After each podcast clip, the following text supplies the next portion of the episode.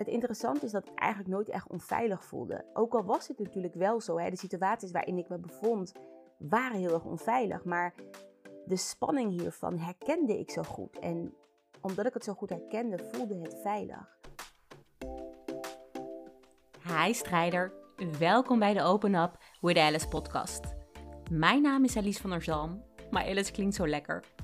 In deze podcast maak ik het onbespreekbare spreekbaar en wil ik de taboes doorbreken over zowel traumatische ervaringen als de dingen die we in het dagelijks leven tegenkomen. Ik neem je mee in mijn reis en ook in die van andere strijders om jou te laten zien dat een droomleven voor iedereen mogelijk is. Ook al ben je met 5-0 achterstand in het leven gestart. Met de juiste tools en mindset kan je alles bereiken. De vicieuze cirkel van geweld doorbreken. Het kan. Ik ben nu 10 jaar vrij van huiselijk geweld en op 1 september 2012 uit Miami terug geëmigreerd naar Nederland. Weg van mijn gewelddadige ex. Ik dacht toen dat alles voorbij was, alleen heel erg eerlijk, toen moest mijn reis nog echt beginnen. Welkom bij de Open op het Alice podcast. Deze maand zal in het teken staan van huiselijk geweld. September is de maand dat ik opnieuw begonnen ben en na 24 jaar geweld meegemaakt te hebben. Vandaag neem ik jou mee in hoe ik deze vicieuze cirkel heb doorbroken. En voor mij begon het eigenlijk allemaal in, in Miami. Ik woonde op dat moment een aantal jaar in Miami. En voor mij begon het ermee dat ik mijn ex heb aangegeven bij de politie. Wat echt heel erg lastig was. Want ik weet nog de eerste keer dat ik voor het politiebureau stond met mijn beste vriendinnetje, of een van mijn beste vriendinnen, Sarah. Of Sarah, zoals we haar uh, noemen in Amerika. En dat ik hem wil aangeven en dat ik toen toch zei, ik kan het niet. Dus het is mij zeker niet de eerste keer gelukt. Ik heb er een aantal keer over na moeten denken. En wat wel helpt, is dat het in Miami veel makkelijker is om iemand aan te geven. Als je daar iemand aangeeft, wordt iemand ook gewoon gearresteerd. En gaan ze het echt uitzoeken of het, nou, of het klopt wat je aangeeft of niet. Dus je weet eigenlijk gewoon, als ik hem aangeef, is hij ook echt één of twee nachten wel echt, misschien zelfs drie, is die gewoon weg en ben ik veilig. En dit was voor mij, hè, ik gaf het net aan, het was voor mij heel moeilijk om dit te doen. Het is denk ik bij ons echt wel honderd keer aan en uit geweest. Vooral in de periode toen ik hem ging aangeven. Dus mentaal was het voor mij heel zwaar, want ik hield van deze jongen en ik was zelfs verloofd met deze jongen.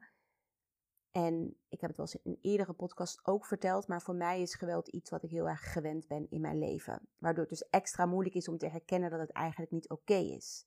Ik heb uiteindelijk wel gekozen om nou, hem dus aan te geven, maar ik heb er ook uiteindelijk voor gekozen om terug te emigreren naar Nederland.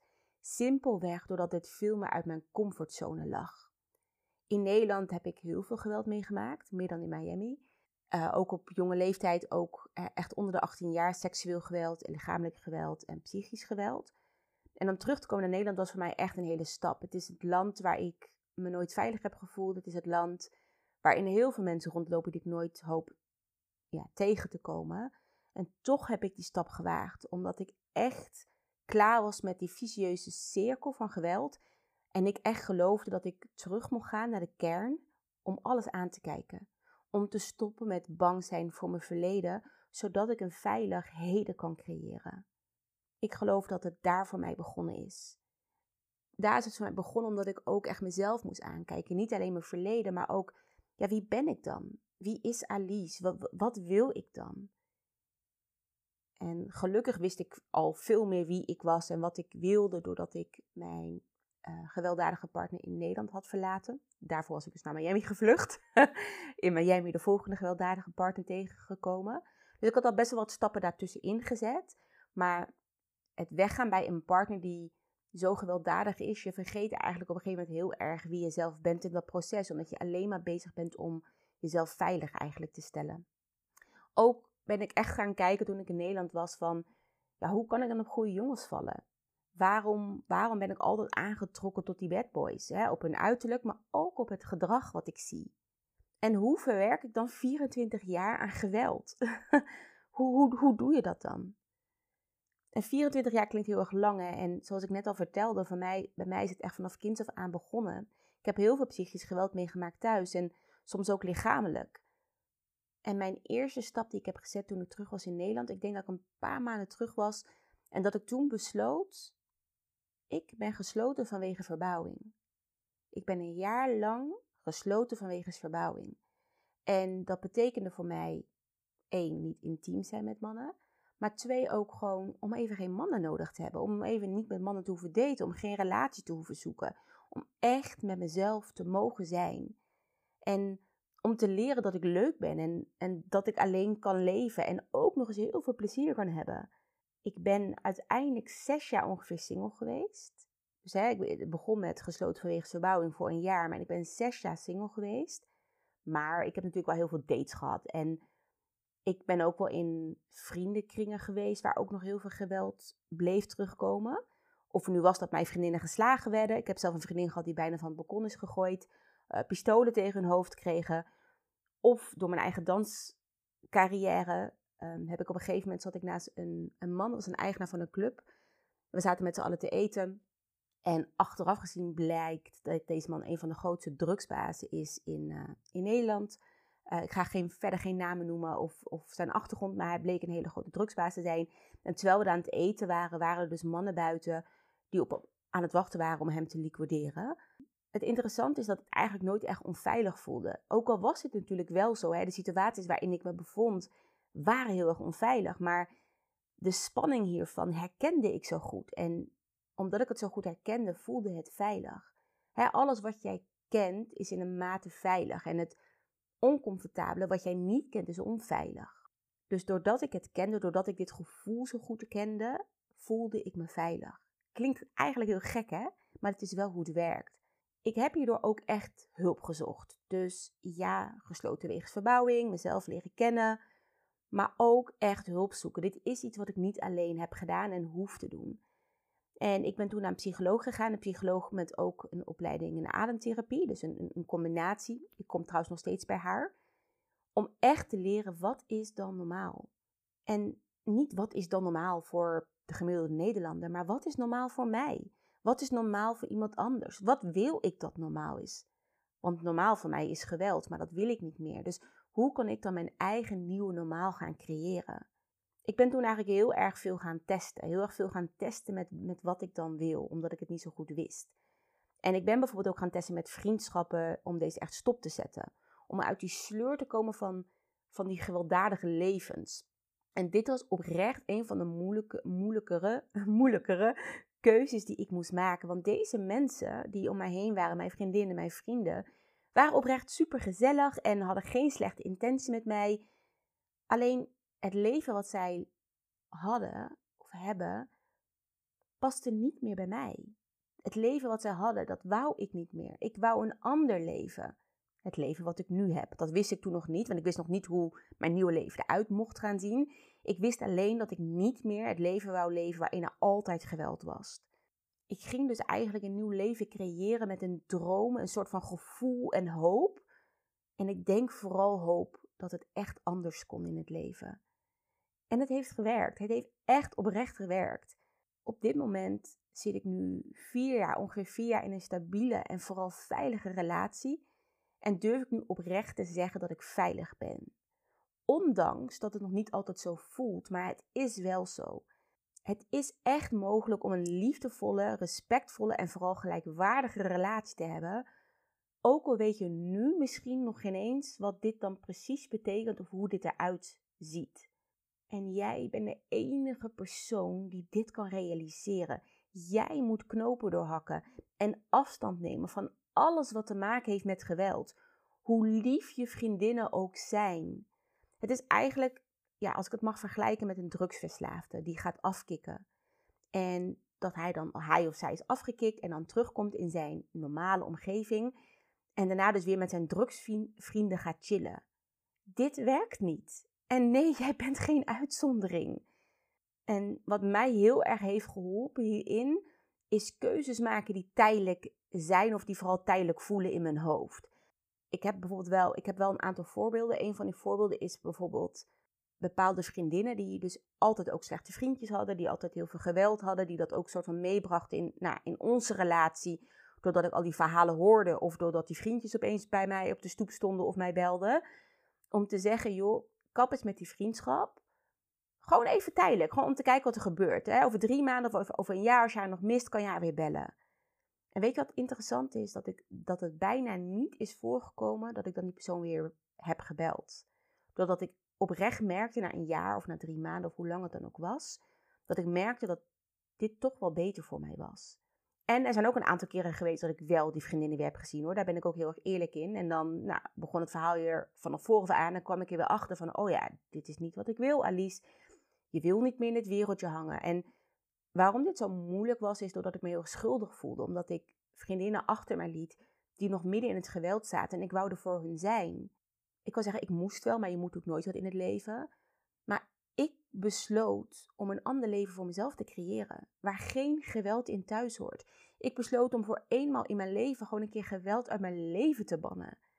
En ja, er hoorden ook die vriendinnen bij. Ik kon er niet voor hun zijn, omdat ik er ook niet voor mezelf kon zijn.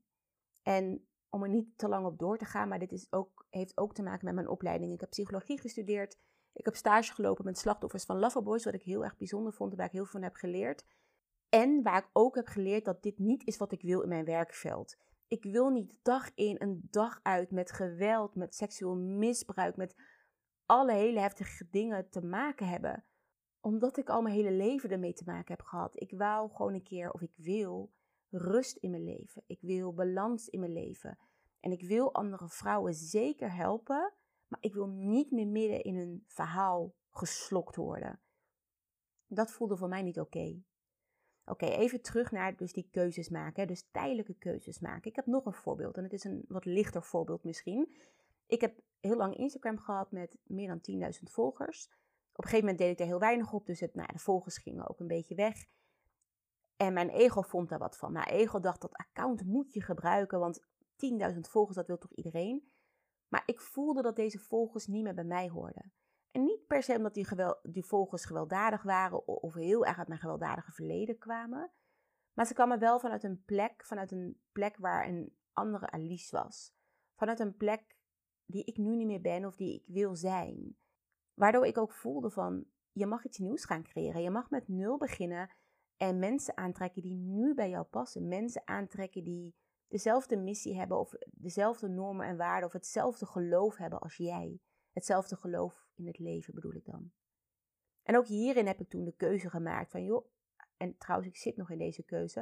Ik heb de keuze gemaakt tot 31 december 2022 sluit je dat account. Op 31 december mag je het openen, mag je voelen hoe het voelt en kan je hem of helemaal forever sluiten, voor altijd sluiten, of je gaat hem gewoon weer openen en je gaat ermee door. En ik kan je vertellen dat ik oprecht het account niet mis en dat doordat ik het account heb gesloten, er een ander account is ontstaan. En dat is, klinkt weer lekker cliché, maar waar één deur, ik wil zeggen, waar één deur opent, sluit een ander. waar één deur sluit, opent een ander. Je kan geen nieuwe kansen creëren als je heel in je oude, oude kans blijft zitten. En FOMO is real, hè? Fear of missing out. Ja, in het begin had ik dit. In het begin had ik echt zoiets van, ja, maar dan ga ik mijn vriendinnen missen, of de leuke uitjes missen, of 10.000 volgers.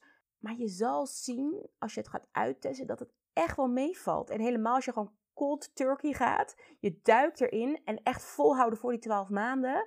En je weet gewoon niet beter. Je bent alweer soort van in je nieuwe bubbel. En dat is ook iets wat ik heel vaak gebruik. Soort van, je bent in een bepaalde bubbel waar je uit wil. Ik heb ook heel lang, heel lang, ik heb een anderhalf jaar ongeveer gewerkt voor mijn eerste werkgever. Waar ik een burn-out kreeg en waar de werkcultuur niet gezond was voor mij. Het was echt work-life balance, nou, dat was daar, was daar niet te vinden. En dat paste niet bij mij. En ik was zo in die bubbel, want het was daar heel gezellig en het voelde soms van bijna alsof je met vrienden aan het werk was. Maar het moment dat ik besloot om daar weg te gaan, klapte die bubbel van dat bedrijf en ontstond een nieuwe bubbel. Waardoor je letterlijk eigenlijk gewoon die eerste bubbel eigenlijk vergeet. Maar doordat je in een, in een bubbel zit, is het heel moeilijk om die te laten klappen. Maar op het moment dat je het doet, echt waar, dan oprecht had ik echt zoiets van, serieus, heb ik hier zo moeilijk over gedaan? En je zal misschien nu denken, nou dat klinkt lekker makkelijk Alice met wat je allemaal vertelt, maar het is niet makkelijk geweest. Ik heb echt heel lang gedaan over deze reis. Ik ben tien jaar bezig geweest, hè? dus 24 jaar over geweld. Tien jaar bezig geweest om uit dat geweld te komen. Of eigenlijk altijd wel bezig geweest met uit het geweld te komen. Maar vooral de laatste tien jaar echt heel erg bewust ermee bezig geweest. En dus ook heel vaak hulp gezocht bij een psycholoog. En ik ga het ook maar gewoon tegen jou zeggen. En ik ga er geen doekjes omwinden of ik ga het niet liever brengen dan dat het is. Maar jij moet je leven omgooien. Alleen jij kan jouw leven veranderen. Niemand anders gaat dit voor jou doen. Niemand. Stap uit die slachtofferrol. Echt stap uit die rol dat jij de hele wereld de schuld geeft of dat een ander het voor jou moet doen. Jij moet het doen. Want ondanks dat wij slachtoffers zijn, bepalen wij zelf of we deze rol willen adopteren. Ja, je hoort het goed. Het is makkelijk om de schuld bij een ander te leggen en te hopen dat zij je gaan helpen, terwijl jij de enige bent. Jij bent in controle over jouw leven. Jij bepaalt of je een slachtofferrol leeft of een strijdersrol.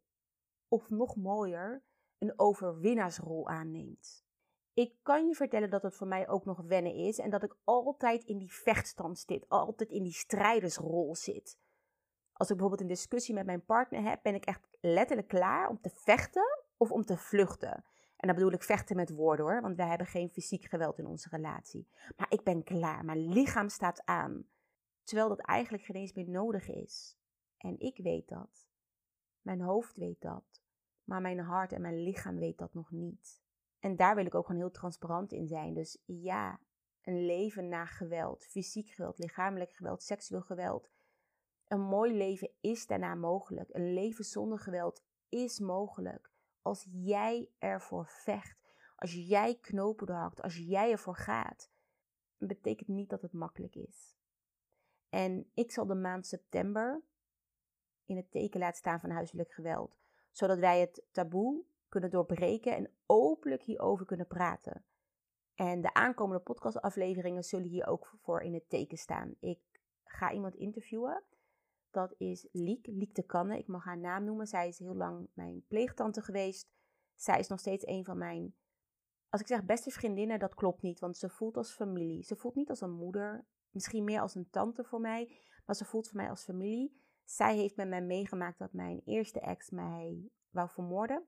En ik ga interviewen hoe dit voor haar is geweest. Dus hoe is het voor de mensen om een slachtoffer heen? Hè? Hoe is het voor die mensen om mee te maken dat iemand constant bij een slechte partner blijft? Nou, ik ga haar bijvoorbeeld interviewen.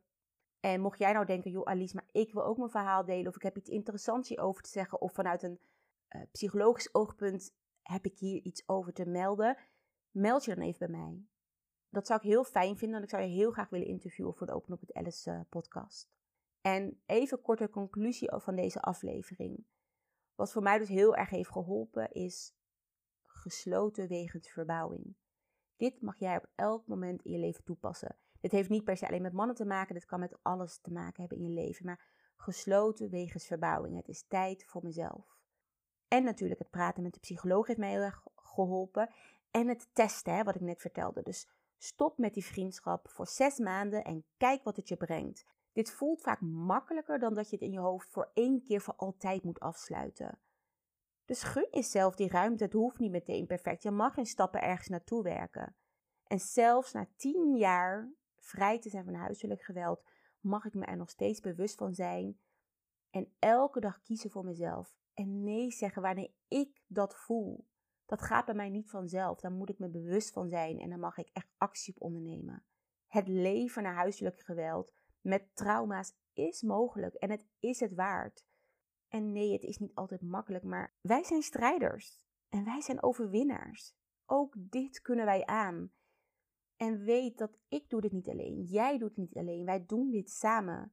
Dit is waarom ik praat, zodat ik jouw stem kan zijn.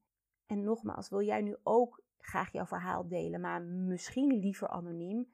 Stuur mij een DM. Stuur mij een DM op het Open op het Alice op Instagram zodat ik jouw verhaal kan delen voor jou. Ook op die manier kan jij je stem laten gelden. Dankjewel voor het luisteren en vergeet niet, shine bright girl. Echt shine bright. Jij bent het waard. Dankjewel. Dit is alweer het eind van de podcast. Dankjewel voor het luisteren. Ben jij nieuwsgierig naar meer? Abonneer je dan op mijn podcast en ik zou het super leuk vinden als je me volgt op Instagram. Dit kan onder Open Up with Alice voel je vrij om mij hier een berichtje te sturen. Ik hoor namelijk erg graag wat je van deze aflevering vond. En onthoud, mijn verhaal is jouw verhaal en jouw verhaal is ons verhaal.